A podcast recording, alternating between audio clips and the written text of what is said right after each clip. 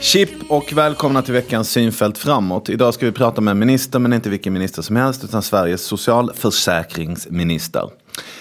Liberala idéer har fått stort fäste i vårt samhälle sedan kalla kriget tog slut. Det är lätt att få bilden av att eh, vi gått från att ha varit ett mini-Sovjet till att ha blivit ett mini-USA. Men är det så i verkligheten? När Sverige äntligen blev befriat från tusenårigt socialdemokratiskt förtryck i och med att borgarna vann valet 2006 så tänkte nog många att nu blir det frihet under ansvar. Blev det så? Nej, så blev det inte. Staten har inte halverat sig själv. Myndigheterna har inte blivit färre. Det har inte blivit plattskatt. Det är inte legal marijuana eller horhus. Utan fortfarande har vi en stark stat som ska uppfostra oss och ta hand om oss tills vi själva glömmer bort hur man gör. Istället för frihet under ansvar så är det ofrihet under ansvarslöshet. Som vanligt. Välkommen hit socialförsäkringsminister Ulf Kristersson. Välkommen du också Tobias. Eh, allt bra med dig? Jamen. Toppen. Välkomna alla miljontals lyssnare som har hittat hit via Dagens Nyheter. Först Ulf, eh, angående mitt intro. På 90-talet så ansågs du ju nyliberal. Hur är det med den saken nu? Alltså nyliberal, jag har nog aldrig själv kallat mig nyliberal. Ah, okay. Jag har blivit kallad alla möjliga saker. Jag, jag tycker att de säger allt mindre. Jag har i grund och botten en ganska liberal syn på samhället vill jag nog säga. Men är, är du då liksom besviken på att Sverige fortfarande är ganska genomsossigt? Det... För det första är Sverige inte genomsossigt. För det andra tycker jag nog att Sverige har förändrats långsamt under en ganska lång tid. Mycket till det bättre tycker jag. Jag tycker du antyder ju ändå en del saker. Det fanns en, ibland en syn, inte minst internationellt på Sverige, som en nästan till sovjetisk eh, samhälle med, där allt som inte var obligatoriskt var förbjudet. Och det var nog överdrivet redan då, men det har blivit allt mindre så de senaste decennierna. Och det är inte alls bara en, en alliansregerings förtjänst, utan det är ett helt samhällsklimat som har förändrats långsamt. Men om det inte är regeringarnas förtjänst, vad, vad, är det som, vad är det då som förändrar samhällsklimatet? Alltså politik är ju viktigt, det ska man ju inte förneka, allra minst när man själv sitter i en regering. Men politik är ju verkligen inte allt i samhället. Alltså jag tycker man, både i Sverige och utomlands, allt oftare tvingas till den insikten. Samhället är mycket, mycket större än staten. Politiken bestämmer över staten, men, men staten bestämmer dessbättre inte över hela samhället. Det, det tycker jag är en helt fundamental insikt. Jag bodde i Kina ett år, eller min familj bodde i Kina ett år. Har man inte slagits av den tanken förut så slås man av den i Kina. Där staten är rätt förfärlig på många sätt, men där samhället är rätt fantastiskt på många sätt. Så politiken är viktig, men politik är inte allt.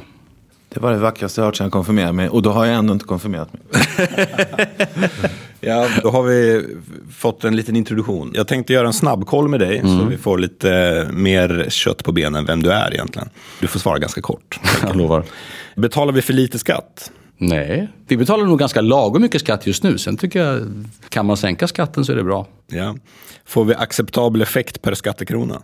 I huvudsak får vi det i Sverige. Sverige är ett ganska effektivt land. Är det bra att vår lönespridning är bland världens minsta? Ja, jag tycker det är bra med ganska ett jämlikt samhälle gillar jag. Kommer vi behöva jobba till vi blir 75? På sikt ja. Kommer vi behöva jobba till vi blir 85? Det beror på hur länge vi tänker leva. De som föds idag kommer hälften bli 100 år gamla. Så att vi kommer jobba högre upp i åldrarna med ganska stor variation individuellt tror jag. Är det okej okay att betala med sina egna pengar för vårdtjänster? Ja, alltså det beror på vad man menar med vårdtjänst. Jag tycker att den vanliga sjukvården ska betalas gemensamt med skattemedel. Men det finns ju hälso och vård som är mycket, mycket bredare än traditionell sjukvård. Det märker vi varje dag. Ja. Ja. Borde taket i a-kassan höjas? Inte just nu, nej. Borde a-kassan finansieras med enbart medlemmarnas avgifter? Ja, jag tror inte det är realistiskt att göra det just nu. Det finns säkert en del teorier för detta, men just nu funkar inte det. Vet du hur många procent som kommer från medlemsavgifter? Mycket liten del. 20 procent? Nej, den är ännu lägre. Jag kan inte det i detalj, men det är, mycket, det är en ganska låg andel. Ja, okay, okay. Borde Försäkringskassan, Arbetsförmedlingen och a-kassan slås ihop? Idémässigt, det vill säga man ska hjälpa människor med de problem de har. Men i praktiken tror jag inte alls att det skulle bli bättre med en sån gigantisk koloss. All right. Blev du rik på Adcore-aktier i den glada IT-yran? jag tror jag har 20 000 optioner som jag kan ge bort billigt till någon. Jaha, så pass. Ja, jag jobbade på ett företag som sedermera blev Adcore Jaha. och eh, var också rik på pappret ett tag. Ja, just det. det var spännande. Det var en spännande resa kan man säga. Ja. Jag tänkte att vi skulle försöka ringa in lite hur du har blivit den du har blivit. Till att börja med, var växte du upp någonstans? Torshälla. Eller jag födde i Lund men växte upp i Torshälla. En mil utanför Eskilstuna. Eskilstuna, mm. okej. Okay. Vad gjorde mor och far? Båda är mm, lärarutbildade från början. Mamma är lärare, och pappa var någon lite mer allmän ekonom. Men startade sin karriär som lärare. Ah, okay. Och varför blev du politiker? När började det? Alltså det där är inte alldeles själv. Det var inget politiskt hem. Det vill säga mina föräldrar är inte politiker men samhällsintresserat hem, det måste jag medge. Vi diskuterades mycket hemma. Och sen så var det faktiskt en pigg vänsters förtjänst att jag kom in i politik. Jag började gymnasiet i Eskilstuna, en, en traditionell teoretisk skola med vet, humanister och ekonomer och samhällsvetare och sådana. Och ett jättepiggt eh, elevkår, väldigt vänster. Men den bokläsande sorten. Och jag gillade dem, jag tyckte de var bra. Kul människor, hedliga människor, men de hade fel i allt de tyckte. Mm. Då var vi tvungna liksom att starta motklubben på något sätt. Vi som också läste böcker och diskuterade men tyckte tvärtom. Ganska du, kul gäng tycker jag. Det där med att det var motvalls, är det ett personlighetsdrag eller? Ja, det här var ju 70-tal. Alltså glöm inte bort hur det lät på 70-talet. Va? Alltså, de, de som var måttligt vänster, de var vänsterpartister. De andra var ju liksom nästan kommunister. Liksom. Så det var ju också ett samhällsklimat som var lite annorlunda som är kanske svårt att förstå idag. Men ja, det kanske är det. Ja. Jag tänker om man är 18 och ska rösta första gången i år. Mm. Vilka frågor var det som de hade fel i till exempel? Vad kunde de tycka? Vad var det ja, en, alltså en nygammal fråga som är aktuell nu igen, det var betyg faktiskt. På den tiden så tyckte de flesta betyg var fasansfullt. Betyg mm. skulle avskaffas helt och hållet. Ju färre desto bättre. Mm. Och så var vi några som tyckte då tvärtom, att det kanske ändå var ganska bra idé att ha betyg. Varför just den frågan var så stor då kan man diskutera. Men, men det var liksom, det var liksom den, den digitala frågan för eller emot. Och jag var för och de andra var emot. Nej, Men nu, nu, pratar man väl om betyg liksom mer som någon sorts kvalitetssäkring. Det handlar, man pratar väl inte om att piska ungarna? Nej, men då var det väldigt mycket stämning där. Liksom ja. Man skulle inte ha några prov, man skulle inte ha några läxor, inga betyg man skulle rösta om vad man skulle lära sig. Alltså det var liksom, sen var det ju mycket ambitiösa ungar ändå på skolan. Så att jag ska inte säga att det var, det var inte torftigt på det sättet. Men politiken handlar mycket om sådana saker. Mm. Okej. Okay. Nu är du socialförsäkringsminister. Mm. Hur ser en typisk dag på jobbet ut? En typisk jobb på jobbet är ju möten, möten och så möten. Och så ett möte på slutet. Men mellan varven så hinner man också träffa människor av kött och blod och resa ganska mycket. Vi sysslar ju kan man säga med de ekonomiska delarna av svensk välfärdspolitik. Alltså alla de här stora ersättningssystemen. Om man blir sjuk, om man blir förtidspensionär, om man blir gammal och behöver pension. Alltså, pengarna men, i välfärdspolitiken. Eh, men under socialdepartementet där du jobbar, var ligger socialdepartementet? Fredsgatan 8, mitt, om man vet var statsministern sitter någonstans, för Rosenbad, borta vid Tegelbacken ungefär. Vem är din chef? Statsministern. Statsministern. Men borde inte socialministern vara din chef? Du är biträdande. Nej, så funkar, funkar inte. Så? så funkar det inte. Okej. Okay. Alla i regeringen har en chef och det är Man svarar mot honom. Okay. Man svarar Vem är chef för socialdepartementet då? Göran Hägglund är chef för socialdepartementet. Det betyder mm. att han är alltså administrativt ansvarig för att liksom mm. själva departementet funkar. Men han är inte ansvarig för de frågor som jag är ansvarig för. Nej, just det. Nu är vi på samhällskunskapen här. Ja. Jag låtsas att det är för 18-åringar som ska rösta i höst. Men egentligen handlar det om att jag själv inte klarar av grundskolan alls. Så jag passar på. Mm. Men det här med ministerstyre. Hur funkar det med det? Om han är chef för eh, departementet. Hur kan han vara det om man inte får ha ministerstyre? Ja, men det är något helt annat. Ministerstyre är att jag får inte ge mig in i Försäkringskassan och säga nu ska ni ge den här personen sjukpenning eller den här personen ska inte få förtidspension. Det vore ett helt otillåtet ministerstyre och det får man inte göra. Den andra delen av ministerstyret är att regeringen fattar alltid beslut kollektivt. Alltså jag är ansvarig för alla beslut regeringen fattar, inte bara de som, eh, som ligger på mitt departement rent praktiskt. Utan vi, man har kollektivt beslutsfattande heter det i, i, i Sverige. Och det är en ganska viktig skillnad. Okej, okay. Eh, men på socialdepartementet då, du som socialförsäkringsminister. Mm. Jag vet att på departementet totalt så har ni 15 myndigheter under er. Vilka, vilka har du hand om? De viktigaste för mig är ju förstås Pensionsmyndigheten som ser till att alla pensionärer får pension en gång i månaden. Mm. Det är Försäkringskassan som ser till att uh, att alla får sjukpenning, förtidspension och sådana saker. Föräldrapenning, alla som är hemma med, med små barn, alla som är hemma med sjukt barn. Jag kommer ihåg filmerna från anslagstavlan. De slutar med för din egen skull. Just precis. Ja. Och så har vi en liten myndighet som ganska få, det är bara nördar som känner till det. Inspektionen för socialförsäkringen som är en liten kontrollmyndighet som ser till att det är effektivt, att det sköts som det ska. Att man inte slarvar bort pengar, att man ja, i största allmänhet sköter sig. Hur sköts det då? Totalt sett tycker jag det sköts mycket bra. Jag måste säga det. Och det, det är klart, det är lite, man blir ju skadad efter några år som regering. Jag tycker att svenska myndigheter internationellt sett är effektiva, serviceinriktade, proffsiga. Det måste jag säga. Sen är vi inte felfria på något sätt. Det var väl sju, tio år sedan så hävdade Riksrevisionsverket att mellan 10 och 20 procent av alla vabbdagar var fusk. Det där, precis, det, det där är intressant. Då infördes ett vabbintyg och nu har vi tagit bort och förenklat själva procedurerna. Och den första granskningen som gjordes tydde inte på att det, liksom, det börjar fuskas igen i vabbandet.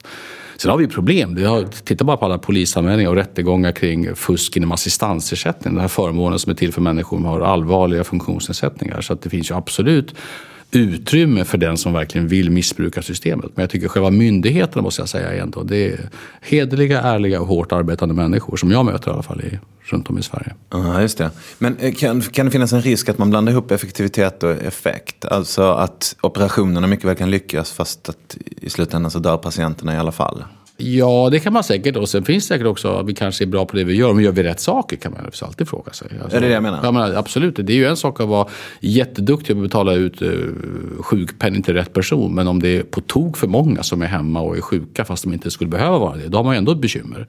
Och det har vi jobbat ganska mycket med de senaste åren. Svensk välfärd ska vara generös men också ganska stram. Det vill säga rätt person ska få rätt ersättning. Vi ska inte få ersättning bara för att det är möjligt att få ersättning. Nej, just det. Men, men jag tänker på, om, liksom på dig som person. Så du verkar vara en idédriven och smart och snabb kille. Och jag antar att det är det som gör att det är kul för dig att vara i politiken. Mm. Nu sitter du och är liksom chef. Mm. Eh, och och då så säger du kloka, bra ledarskapsgrejer som att ja, du ställer dig bakom de som jobbar för dig. Och sådär. Men vi vill att du ska inte ta några fångar utan att du ska Nej. genomföra de där grejerna du tror på på riktigt. Mm. Oavsett om de kommer hata mm. dig på alla de här mm. myndigheterna. Jag har ju prövat det också får jag ju säga. Alltså, de reformer jag gjort de senaste åren har ju inte i alla delar varje dag varit uppskattade om man ska uttrycka sig försiktigt.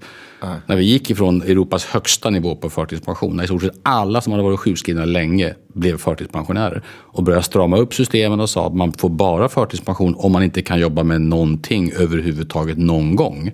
Det är klart att det var ganska många människor som blev rätt sura. Det var mm. ganska mycket debatt om detta också. Så jag är inte rädd för detta. Men man måste också vara lite praktiskt lagd i politiken om man ska få någonting uträttat. Mm. Jag var ju i riksdagen i ganska många år. Det var kul på sitt sätt. Men där var det mest papper, PM, idéer om liksom det här på den höga atmosfäriska nivåer. Sen gick jag från det via företag som du nämnde till, till kommunalpolitiken och tvingades sköta parkeringsplatser, skolbyggnader, mm. Mm. rondeller. Och då blir man väldigt praktiskt lagd. Liksom. Ja, Hur löser vi konkreta problem här och nu? Är det en vanlig resa man gör? Att man börjar från eh, liksom, idealist och så slutar man som en, som en, bra, som en god byråkrat? Ja, den risken finns säkert. Men resan är ju oftare tvärtom. Att man börjar som kommunalpolitiker och fixar vägar och sånt. Och så småningom, 25 år senare, blir man riksdagsman.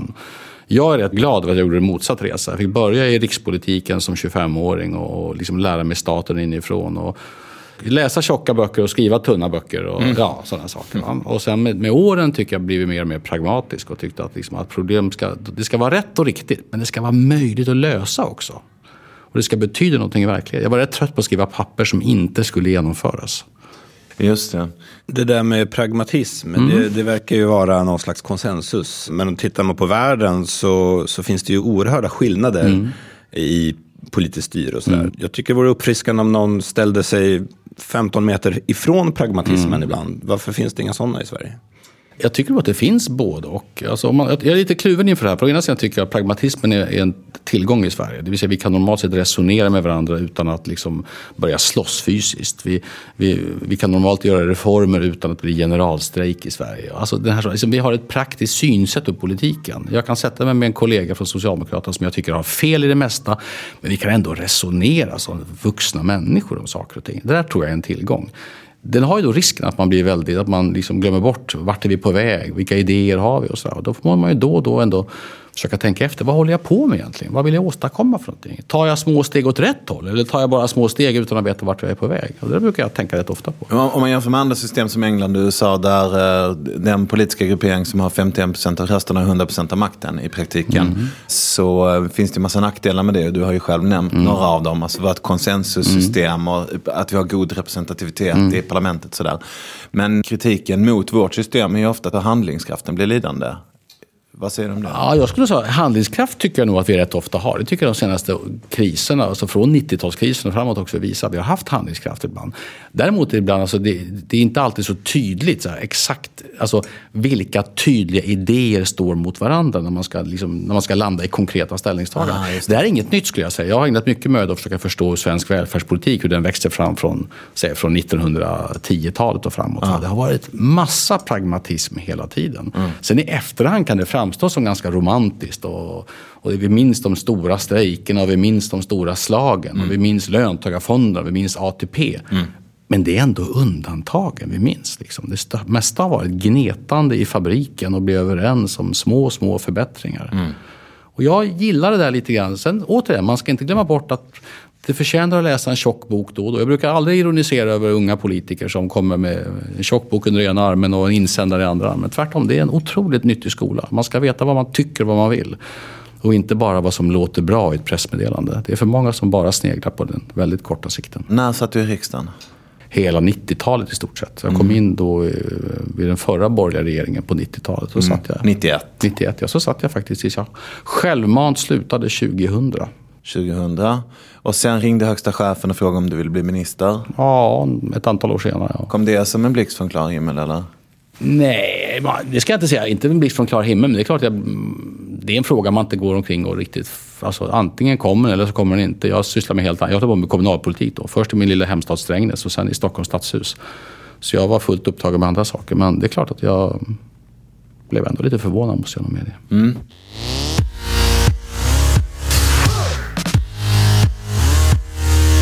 Vi ska prata lite om ditt politikområde mm. som du är extra duktig på. Vi frågade i början om eh, vi skulle behöva jobba till vi blir 75. Hur blir det med det tror du? Alltså den enkla matematiken är ju så här. Att vi lever allt längre. Som jag sa, hälften av de som föds idag kommer leva till de blir 100. Män kommer snart ifatt kvinnor. Vi lever till 80 nu ungefär. Och då kan vi inte i längden starta jobbet vid 26 och sluta jobba vid 63. Det funkar liksom inte.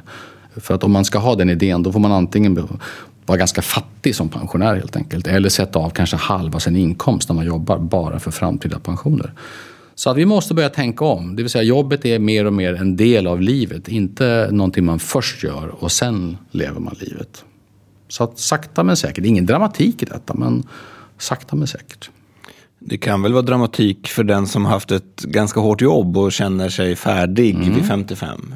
Hur ska man göra så kan, och det kommer ju alltid finnas människor som, alltså, som på, kan vara tråkiga grunder men som ändå på goda grunder inte kan jobba vidare så länge. Men totalt sett ska jag säga, dagens 65-åringar är totalt sett förbluffande pigga och, och fräscha. Och, och fler och fler har dessutom jobb som inte i första hand bara kräver muskelmassa utan som kräver pikt huvud och, och kunskaper. Och då är det fler som kan jobba högre upp i åldrarna. Sen ska man ha respekt för att det inte gäller alla och jag tror att de som idag har de hårdaste arbetsmiljöerna det är inte i första hand grabbarna i den tunga industrin. det är många kvinnor i offentlig omsorg som idag har, har den fysiskt tunga jobben. Ja. Det här med socialförsäkringar, det har ju mm. varit väldigt uppmärksammat och kritiserat. Mm. Och ni pratar väldigt mycket om incitament. Kan du förklara, vad är poängen? Alltså, poängen är i grund och botten att det ska löna sig att arbeta. Det vill säga vi har generösa ersättningar för den som inte kan jobba. Kan du inte jobba utan är sjuk, då ska du inte bara överleva, du ska klara dig ganska bra. Om du aldrig kan jobba, och aldrig försörja dig själv, då ska du också ha det anständigt bra i Sverige. Bättre än många länder. Men om man har den idén med ena handen, då måste man med andra handen vara ett tydlig på idén att alla som kan jobba ska också göra det. Helt eller delvis, i något arbete, med eller utan stöd. Alla som kan jobba ska jobba. Men vi har ju hög arbetslöshet. Är incitamenten för låga? Nej, det är nog en blandning tror jag. Titta på en sån sak. Vi har fått ner sjukfrånvaron ganska rejält. Vi har, gått, vi har minskat förtidspensioneringar. Vi har gått från Europas högsta nivå till Europas lägsta nivå på förtidspensionering till exempel. Det är en rätt rejäl resa.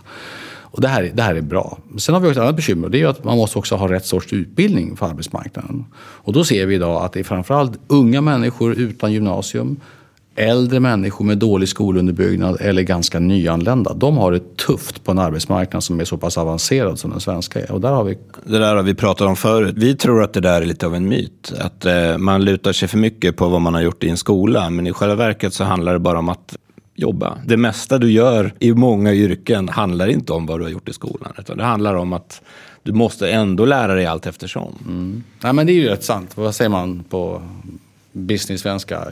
High for attitude, train for for skills eller något sånt där va? Fel kille, jag har ingen aning.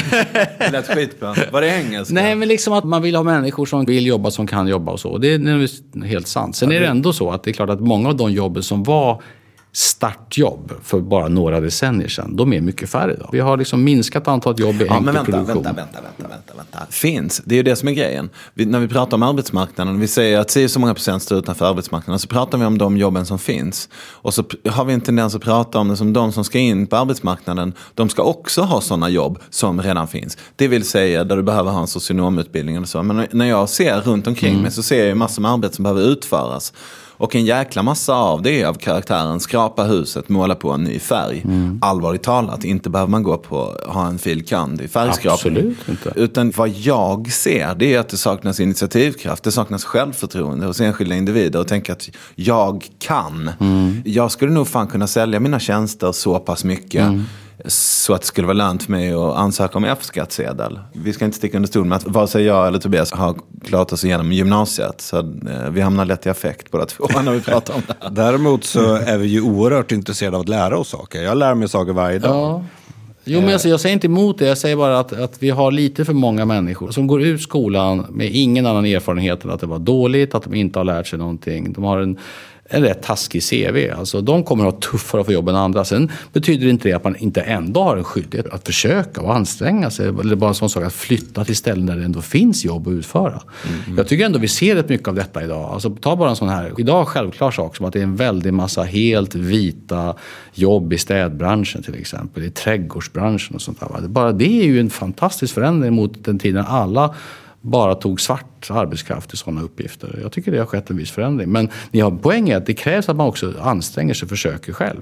Men vad kan ni göra från politiskt håll? För att eh, som sagt, vi har för mycket arbetslösa. Mm. Ja, det ena är som sagt, ja, om det är allt för lätt att leva på olika sociala ersättningar fast du skulle kunna jobba och försörja dig själv, då har man ett problem. Och det tycker jag vi har gjort ganska stora saker. Det är inte alls lika lätt längre. Det är mycket färre som lever på sociala ersättningar. Ja, men och det är bra. ni har gjort ganska stora saker, men vi är fortfarande 450 000 Jo, arbetslösa. det handlar ju också om att väldigt många människor måste också möta en arbetsmarknad där de blir efterfrågade. Min poäng är inte att säga att arbetsgivarna har en skyldighet att efterfråga människor om de inte tror på dem. Inte det.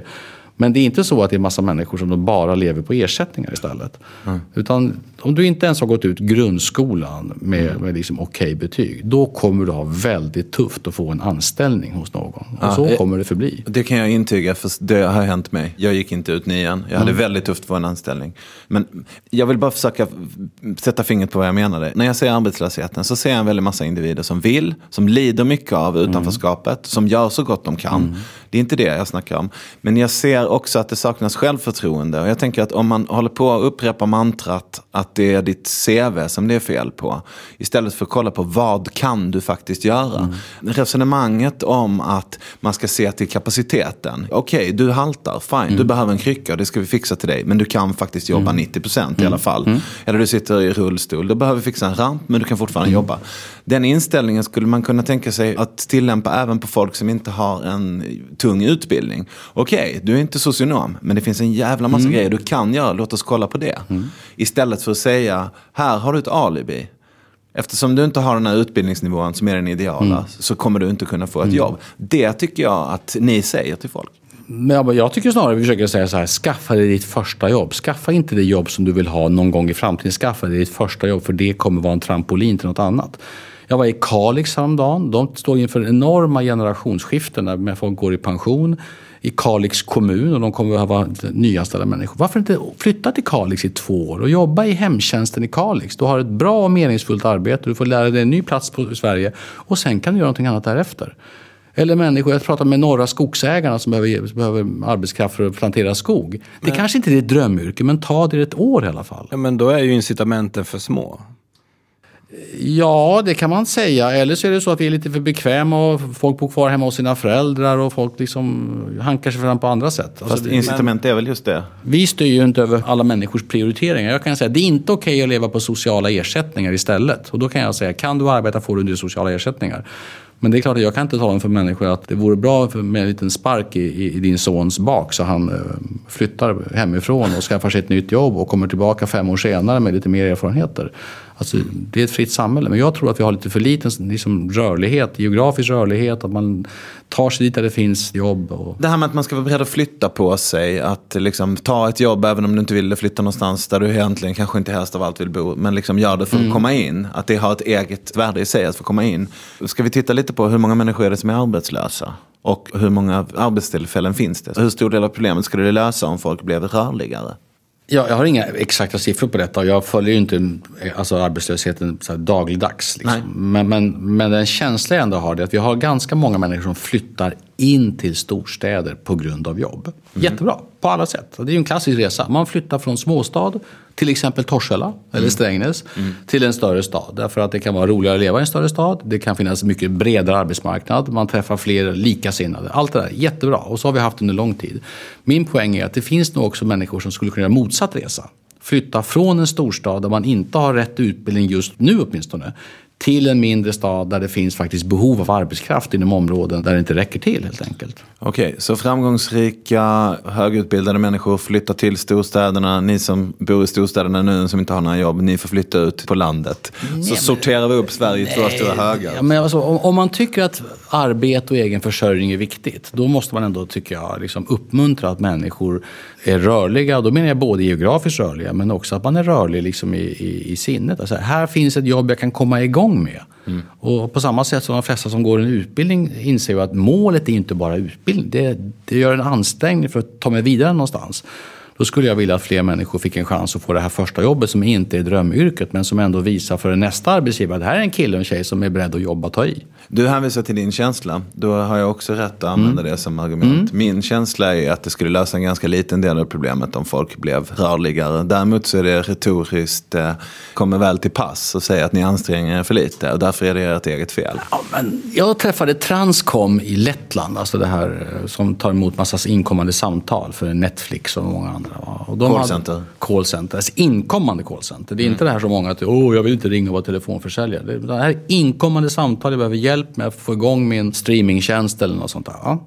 Och, de berättar ju att de, nu hade de lyckats få, det här var då ett för skandinaviska språk, så lockar de människor till, till, till Riga och då pratar de eh, baltiska språk och de pratar nordiska språk och sådär. Och lyckas ganska bra med det. Och då berättar de att ett jätteproblem att få människor i Värmlandstrakten på någon större sån här center också. Att bara få människor flytta dit eller, eller pendla dit helt enkelt. Det, mm. Jag tycker bara det är lite anmärkningsvärt att liksom ordentliga, bra jobb med avtalsenlig lön som skulle kunna vara en rätt bra språngbräda. Att, att, att det ändå finns ganska många unga människor som inte tar den chansen. Så, alltså, jag ska inte moralisera, man kanske har andra planer. Men jag tycker ändå att eh, så länge vi har rätt mycket arbete som inte utförs så tycker jag att det finns en antydan om en potential i alla fall som man borde ta vara på. Vi hade en tid när jag bodde och jobbade i Strängnäs att vi hade människor som var arbetslösa i Strängnäs. då sa vi att men det, det är inte rimligt. Att, att gå vara arbetslös bara i Strängnäs om man har Eskilstuna och Södertälje på en halvtimmes avstånd och Stockholm på en timmes avstånd. Det är inte okej. Okay så kan man inte se på saker. Utan vi har idag en mycket mer flexibel arbetsmarknad. Man måste röra sig lite större ytor och så. Och då får man ta ett visst ansvar för det också. Vill jag bo här och bara här, därför mitt sociala nätverk finns här, då får jag ändå titta mig lite bredare omkring. Var finns det jobb någonstans? Men blir det inte krångligt så fort man kollar på enskilda fall? Ungarna går i skolan, de är trygga, de är, alltså det, det är ju inte så jävla lätt. Nej, men du, jag tror du har en poäng i det. Och, och, man kan också prata om en äldre generation så säger de att förr i tiden när många var hemmafruar, då var det lättare att flytta en hel familj. Mm. Nu är det två som jobbar och det, familjen blir inte lyckligare av att om den ena är arbetslös och flyttar iväg så blir den andra arbetslös istället. Så jag, jag har respekt för allt detta. Däremot tänker jag att människor som är ganska unga till exempel och som ännu inte har familjeansvar och så, då finns det, tycker jag det finns svårt att motivera att man inte skulle kunna ta sig också ganska stora avstånd för att hitta ett jobb som man vill ha i några år för att skaffa sig en erfarenhet. Det finns ju resonemang om att man har rätt till jobb. Det är väldigt lustigt för att eh, det betyder ju också att någon måste vara skyldig att ja. skapa jobben. Om man tror att man har rätt till jobb, då är det ju lätt att luta sig tillbaka såklart. Ja, jag kan nog tycka att vi då och då i Sverige har haft en liten attityd, offentlig attityd som lite grann går ut på att det är alltid någon som är drabbad, det är alltid synd om någon som inte har fått ett jobb. Och så. Och det tycker jag lite, lite grann fråntar också ett eget ansvar. Att faktiskt, vad gör du själv för att få en chans att, att ha det här jobbet? Apropå folk det är synd om, det här med att vara utförsäkrad har ju kritiserats väldigt mycket. Mm. Vad är problemet egentligen? Det gamla problemet var att man kunde vara sjukskriven hur länge som helst. Ja, alltså, vad är problemet nu? Ja, nu är problemet naturligtvis att det är en tuff resa tillbaka. Den som har varit sjukskriven i ett år Och så säger Försäkringskassan till att nu inser vi att du kan inte ha ditt gamla jobb, det har vi all förståelse för, men vi tror att du har arbetsförmåga ändå. Du kan jobba med någonting annat. Och då ska du hjälpa dig till Arbetsförmedlingen och du kan få, få hjälp därifrån. Du kan få mer utbildning, du kan få olika insatser så ökar din chans att få en anställning. Och det är inte alla som vill det. det är en del människor vill vara sjukskrivna.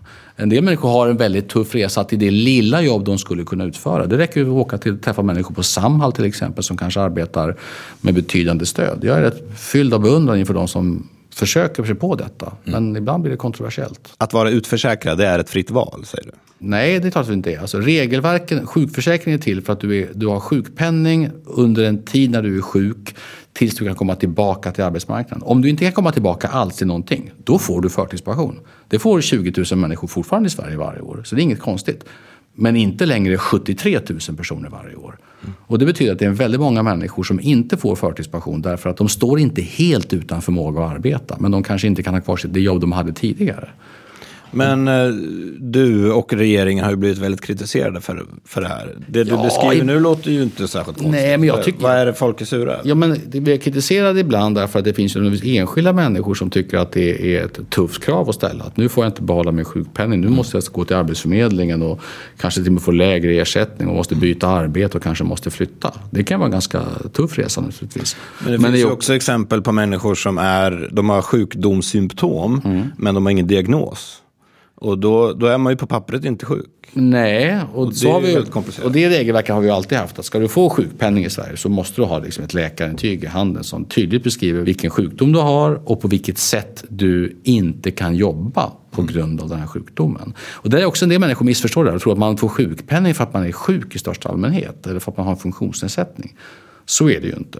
Hade jag varit pilot när jag förlorade stor del av min syn på ena ögat vid 25 års ålder då då tycker ju ingen att jag skulle bli förtidspensionerad pilot. Men jag skulle inte kunna vara pilot. Utan då får jag finna mig att det inte blir det som jag hade hoppats. Så jag får göra någonting annat istället. Och ibland är det ganska enkla sådana avväganden. Och ibland är det ganska svårt. En 60-årig person som har ont i hela kroppen men kanske skulle kunna jobba deltid med någonting någonstans. Då är det mycket svårare att fatta beslut. Jag frågade inledningsvis om det vore en bra idé att slå ihop Försäkringskassan och Arbetsförmedlingen. Mm. Skulle inte det vara en lösning på de här utförsäkringsproblemen?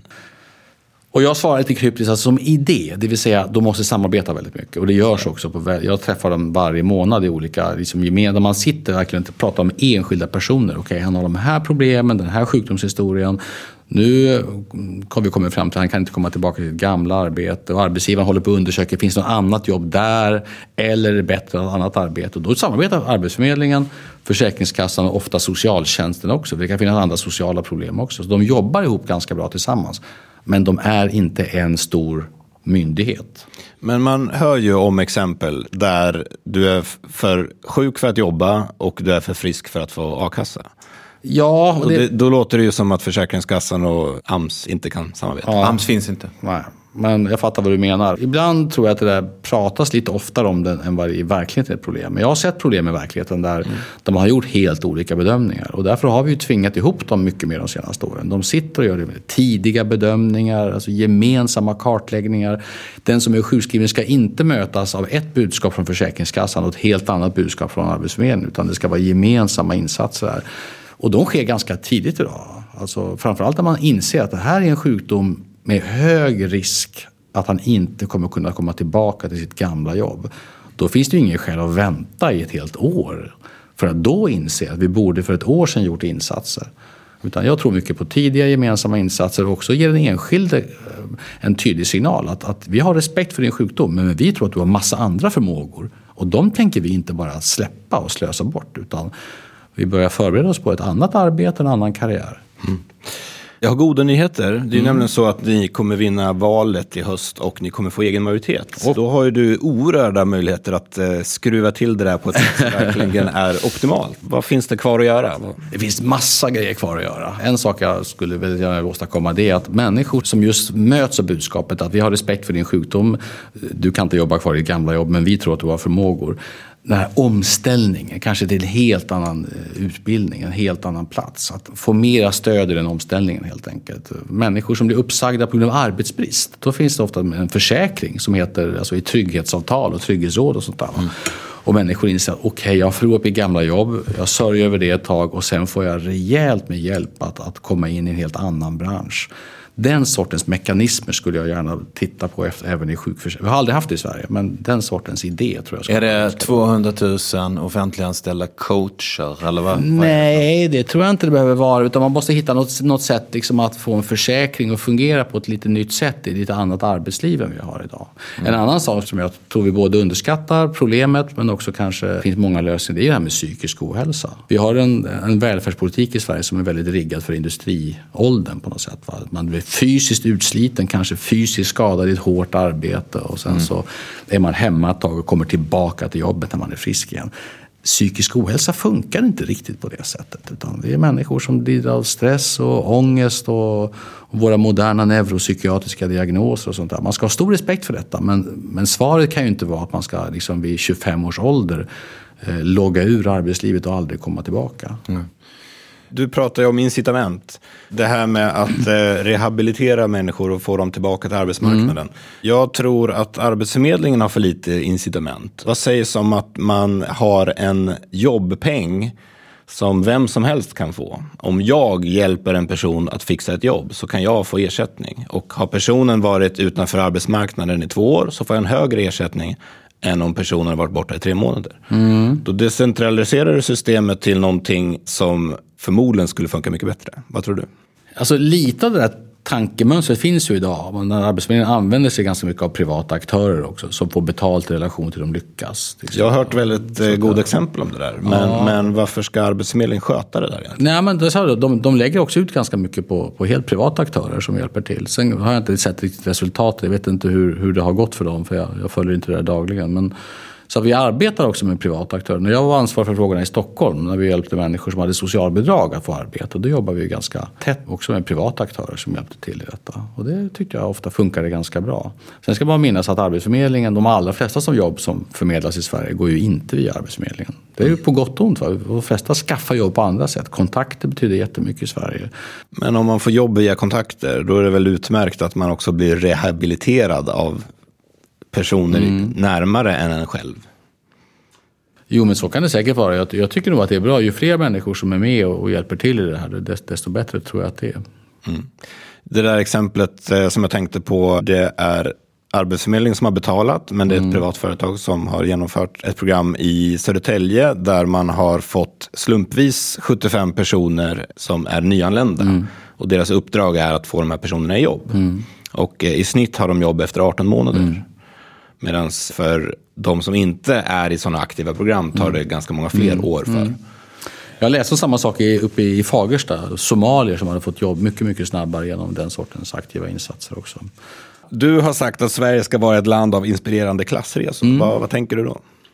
Att det måste gå att ta sitt öde i egna händer. Att genom utbildning och ansträngning komma långt även om man har ganska tuffa förutsättningar. Alltså Sverige ska vara ett land där där vad du har med dig i form av efternamn och föräldrar och sånt ska betyda mindre och vad du gör själv ska betyda mer. Och jag tycker vi har en del drag där i Sverige som jag vill uppmuntra. Var finns förbättringspotentialen?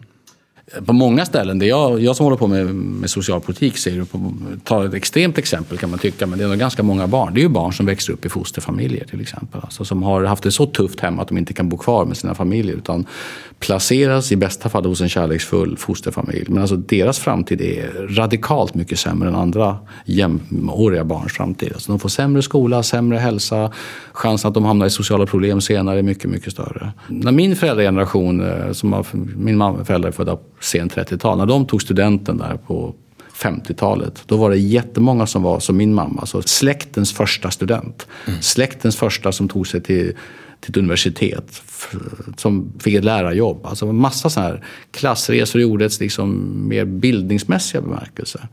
Så vi har en sån historia. Sverige är inget Downton Abbey. Va? Att har fint efternamn och pappa som tjänar mycket pengar ska inte vara tillräckligt för att du själv ska få en bra framtid. Och ännu viktigare, att du själv har haft en tuff förutsättning som barn ska inte döma dig till ett tufft liv som vuxen. Men det där håller väl de flesta med om? Ja, men då gäller det att leva upp till det också. Då tror jag till exempel att ingenting är så viktigt som att man inte går ut grundskolan utan betyg överhuvudtaget. Alltså. Några maskrosbarn kommer klara det, men alltså, går du ut grundskolan utan några betyg alls, alltså, då är chansen att du kan forma din egen framtid på den svenska arbetsmarknaden. Mycket, mycket mindre. Om du är fosterbarn och har en dålig start, då måste vi kunna kompensera det, till exempel genom utbildning. Så jag har rätt mycket kvar att göra tycker jag.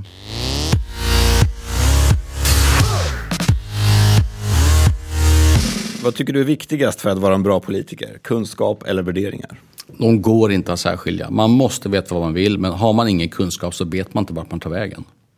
Den som bara vill någonting men inte har en aning om hur systemen funkar, inte vet någonting om omvärlden, kommer gå vilse. Och den som bara har expertkunskap ska nog hellre vara expert på en myndighet istället. Då tvingar du oss att kontrollera både din kunskapsnivå och om du har hjärtat på rätt Ja, ställe. herregud, ja. Tobias, du får börja. Vi börjar med kunskap. Jag kommer ge dig några påståenden och du får säga om det är sant eller falskt. 94 procent av Sveriges befolkning anser att arbete är viktigt. Det tror jag är helt sant. Det är falskt. Det är bara 84 Åh procent. herregud. Däremot anser 94 procent att fritid är viktigt. För att ha fritid krävs det ju arbete. Ja. A-kassans maximala ersättning är fem gånger högre än världens medianinkomst. Oj, en världens medianinkomst. Jag har ju följt min, både Bill Gates och Hans Rosling och försökt inse att världens medianinkomst har ökat radikalt. Ja, det kanske är sant. Alltså, medianinkomster är svåra. Ja. det är ju säkert svårt att räkna på många sätt. Men det är faktiskt falskt. A-kassans maximala ersättning är tio gånger högre. Med tio gånger högre. Då hade jag dubbelt fel kan man säga. Okej. Sverige har flest datorer per capita i EU. Jag har varit falskt fel. Jag säger sant den här gången. Då. Ja, det är sant. Ja. Enligt Unicef är det allra bäst att vara barn i Sverige. ja, eller bland de allra bästa i vart fall. Ja, jag säger sant. Ja, du får rätt för det. Då. Vi kommer dock två efter Nederländerna. Aha, okej. Socialförsäkringens utgifter 2012 låg över 200 miljarder kronor. Ja, herregud. Vi betalar ut 1,2 miljarder om dagen. Så vad är det för siffra jag har hittat när jag säger att Antagligen- det är 203 miljarder Nu kronor? ska jag vara jättebyråkratisk. Det är antagligen socialförsäkringsutgifter inom statsbudgeten. För pensionerna ligger formellt utanför statsbudgeten. Varför gör de det? Därför att pensionsreformen innebar att vi flyttade bort dem. Det är ett separat, självständigt system. Det vill säga inga skattepengar används där. Utan det är de pengar som kommer in när vi arbetar och som går ut till pensionärer. Men det är inga skattepengar inblandade. Men det är ju helt politiskt bestämt. För det är ju riksdagen som har beslutat om det. Kan man säga att det är att de är så in i helvete öronmärkta? Ja, det kan man faktiskt säga. Både uppåt och neråt. Det vill säga när det går bra så gasar vi pensionerna och ökar dem. När det går dåligt så bromsar vi pensionerna på ett sätt som vi inte gör med några andra system i Sverige. Av socialförsäkringens utgifter så går 7,5 miljard till Försäkringskassans administration. Ja, det låter ungefär rimligt. Den storleksordningen. Det låter som om det är väldigt mycket pengar. Ja, ja men, det är, men det är klart att de snurrar många hundra miljarder och det var 13 000 anställda. Så att, eh, men det, går, det kan säkert stämma. Ja, det stämmer. 2012 betalades det ut strax under 5 miljoner dagar med föräldrapenning. Nej, jag vet inte. Jag kan inte det. Det är falskt. Det är drygt 50 miljoner dagar faktiskt. Av de här dagarna som betalades ut så gick 75 procent till kvinnor. Ja, nästan. Man brukar säga 72 procent, brukar man säga, tycker jag. Så att, men ungefär 75 procent. Det vill säga männen tar en bit över 20 procent. Ja, det där varierar ju säkert någon procent år från år. Så det får du sant för. Jag har 76 här i mina papper. I februari uppgick antalet arbetslösa personer till 432 500. Mm, kan det stämma. Det stämmer. Microsofts kontorsmiljöer inspirerade till Försäkringskassans nya kontor där de numera har hammockar och saccosäckar. Ingen aning. Det stämmer Det faktiskt. stämmer. Ja. Vad tycker du om Jag hammockar? har faktiskt varit på Microsoft en gång. Men, ja, ja. Men du har inte varit på Jo, det har jag också varit. Jag tänkte inte på dem. Jag slogs inte av likheterna måste jag medge. Vad, vad tycker du om hammockar på Försäkringskassan? Ja, men alltså det var ju rätt, rätt avancerad miljö får jag säga. De som jobbar där verkar vara glada över det. Jag har inte prövat. Ja, så vitt jag har förstått så har man ju halverat hyreskostnaden genom att flytta ut dit. Det tycker jag skattebetalarna borde vara glada över och sluta gnälla över hammockar Ja, ja, ja. istället. Då har vi testat din kunskap i alla fall. Vi ska också göra ett moraltest på dig. Då kommer på mig. Är det okej att gömma flyktingar? Nu pratar vi moral, inte lag. Jag vet att du som statsråd... Det finns sådana situationer där jag kan förstå det, ja. Mm. Kan det vara okej att säga jag går gärna på a-kassa för jag hjälper till att hålla ner inflationen? Nej, det kan inte vara okej. Det lärde jag mig i tidningen ETC när jag var 20. Det gick jag runt och sa i några år innan jag fick stryk. Kan det vara okej att jobba svart? I princip tycker jag inte det, men det är bättre att jobba svart än att inte jobba alls. Så man kan tänka sig om man till exempel är ny i landet eller eh, oetablerad på arbetsmarknaden så, att Jag kan, det är preskriberat nu så jag tror jag kan mm. erkänna det utan att riskera långt fängelsestraff. Jag kommer ihåg att det var ett tag, alltså om jag skulle ha en chans att försörja familjen mm. så kände jag inte att jag hade något alternativ. Och jag kände att jag hade moralisk... Mm. Ja, men jag tror många har känt så, framförallt förr skulle jag säga, det var många människor som hade svart städhjälp och svart alla möjliga saker och tyckte nog att de inte begick några allvarliga fel. Men idag finns det inget skäl, för idag kan man göra det helt legalt på alla sätt. Ja, just det. Kan det vara okej okay med prostitution?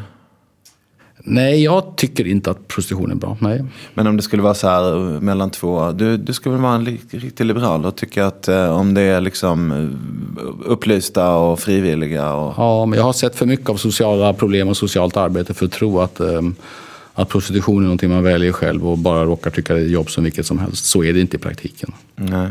Kan det vara okej att köpa sig förbi en vårdkö? Nej, våra offentliga system de ska följa offentliga regler. Det tycker jag är. Och sen så, så kommer det alltid finnas eh, vård som ligger utanför, insatser som ligger utanför det offentliga åtagandet. Och det är en annan sak tycker jag. Ja, men snackar vi då höftledare eller pratar vi om eh, nose jobs? Ja, fast alltså, köpa sig förbi det. Det offentliga levererar till alla. Sen, mm. kan man alltid, sen kan man alltid åka utomlands eller åka till på egen bekostnad och göra saker och ting som inte det offentliga kan klara av här och nu.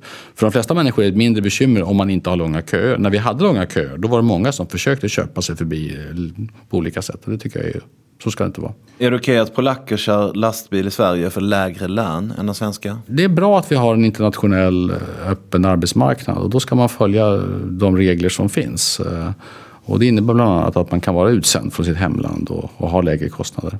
Mm. Kan det vara okej okay att gå förbi en av de här tiggarna som sitter på gatan utan att stoppa pengar i burken? Jag tycker det här är en rätt svår fråga. Det är både okej okay att gå förbi tycker jag, för man tycker att man kan inte eller vill inte eh, hjälpa alla. Men det är också mer än okej okay, tycker jag att landa i motsatt slutsats. Fast jag inte kan hjälpa alla så hjälper jag den person som jag ser. Kan det inte vara att vi har egentligen en moralisk skyldighet att ta med dem hem och bädda i gästrummet? Nej men det är därför det finns ingen sån, det finns ingen sån svartvit gräns tycker jag. Jag tycker min kollega Birgitta Olsson tyckte det ganska bra när hon med enorma insatser försökte få till stånd ett samarbete med den rumänska regeringen och EU-kommissionen för att lösa problemet både hemma på plats och internationellt. Och var rätt arg för att hon tyckte att Rumänien inte svarade mot rimliga krav som vi ställde på dem.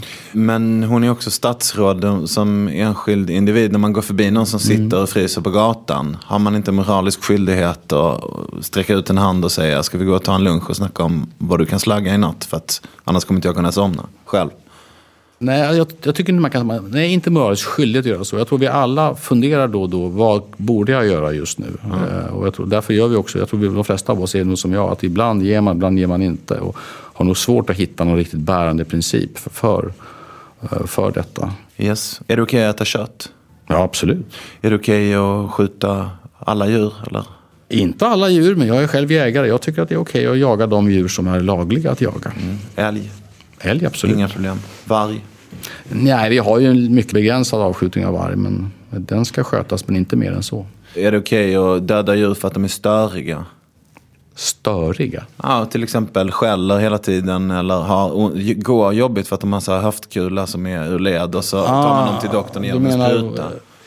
Ja, I alltså, praktiken är det ju så. De kommer in på, på, mm. på smådjurskliniken och säger man så här, det kommer kosta 6 000 att laga mm. din katt. 6 000, glöm det, mm. ge den sprutan. Det är därför man bör ha en försäkring på sin katt tycker jag. Aha. Okay. Ja, det är bra. Kan det vara nödvändigt med kvotering ibland? Ja, alltså det beror på vad man menar med kvotering. Jag tycker till exempel att de här pappamånaderna som vi har som är en slags liten kvotering i föräldra, alltså föräldraledigheten. Mm. Jag tycker att de har ändå bidragit till att ge en liten skjuts till detta. Sen kan man diskutera hur långt man ska gå. Ehm, jag är i grund och botten skeptisk när man försöker liksom tvinga in, jag tycker det här arbetet som Centrum för rättvisa har gjort, där de försöker visa att man kan inte kvotera in människor som har sämre kunskaper lägre betyg eller bara för att de har rätt kön det där håller inte. Men, men man kan inte alltid säga att det är fel tycker jag. Men kan man inte se kvotering som att man slutar att eh, negativt särbehandla till exempel kvinnor? Man, man, kan se det på det sättet, men det finns också ett antal risker. Alltså vi, vi har varit några uppmärksammade fall där, där man har tagit in eh, män på utbildningar som dominerades av kvinnor. Då tog man in män med sämre förutsättningar och utestängde kvinnor med bättre förutsättningar. Då blev det faktiskt ett visst liv och jag tror de fick fel i domstol så småningom också. Så det där, man ska vara försiktig med att börja med sånt. Man kan landa väldigt, väldigt fel. Men samtidigt kan jag förstå de som tycker att om det inte händer saker och ting, till exempel om kvinnor tar ut nästan all föräldraledighet, det mesta av sjuka barn, de jobbar deltid, män gör inte det. Alltså då måste man ställa sig frågor, finns det något ansvar man har också som politiker för att det här inte ska bli en fälla för kvinnor i arbetslivet under många år? Mm. Okej, okay, bra.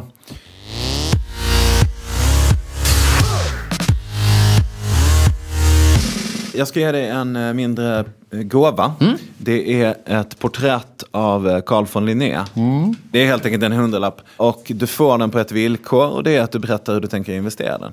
Nu är ju 100 spänn för det jag tycker man ska använda dem till. Det är lite, men om många gör det så blir det ändå pengar. Jag skulle ge det till eh, väl skötta barnhem som finns i ett antal olika europeiska länder där barn fortfarande överges och hamnar på institutioner och lever där hela sitt liv och får en förfärligt dålig framtid. Om de barnhemmen blir bättre på att uh, hjälpa barnen till utbildning till exempel, då kommer många, många tusen barn få en bättre framtid. Men uh, då kommer vi eh, be dig tala om var den där hundringen hamnade mm. någonstans mm. på vår Facebook-sida, mm. Synfält framåt. Jag ska kolla upp det barnhem som jag själv besökte i Albanien för några år sedan och ja. se att det fortfarande är välskött och skicka dem dit i så fall. Ja, grymt. Med detta tackar vi statsrådet för hans tid. Tackar, tackar. Och önskar lycka till i valet. Tack så mycket. Ja, vi skickar iväg Ulf Kristersson. För lyssnarna vill vi tillägga att om man tycker något om dagens avsnitt eller andra så kommentera gärna på Twitter. Kristoffer finns på appelstoffe och jag finns på @tobbo. Vi finns också på Facebook och på dn.se och på iTunes. Där kan man gå in och skriva en recension och eller sätta ett betyg. Vi har gjort massa inspelningar och vi kommer fortsätta ända till i september. Är det någon speciell ni vill höra här framöver, så uppmärksamma oss gärna. Men uppmärksamma också den ni vill höra så att de vet om att er efterfrågan finns. Tack för idag. Over and out. I'm gonna dance like an earthquake was shaking me. I'm gonna sing like my heroes were with me. Yeah. I build an army made of clouds and smiles to fight for you. I'm gonna free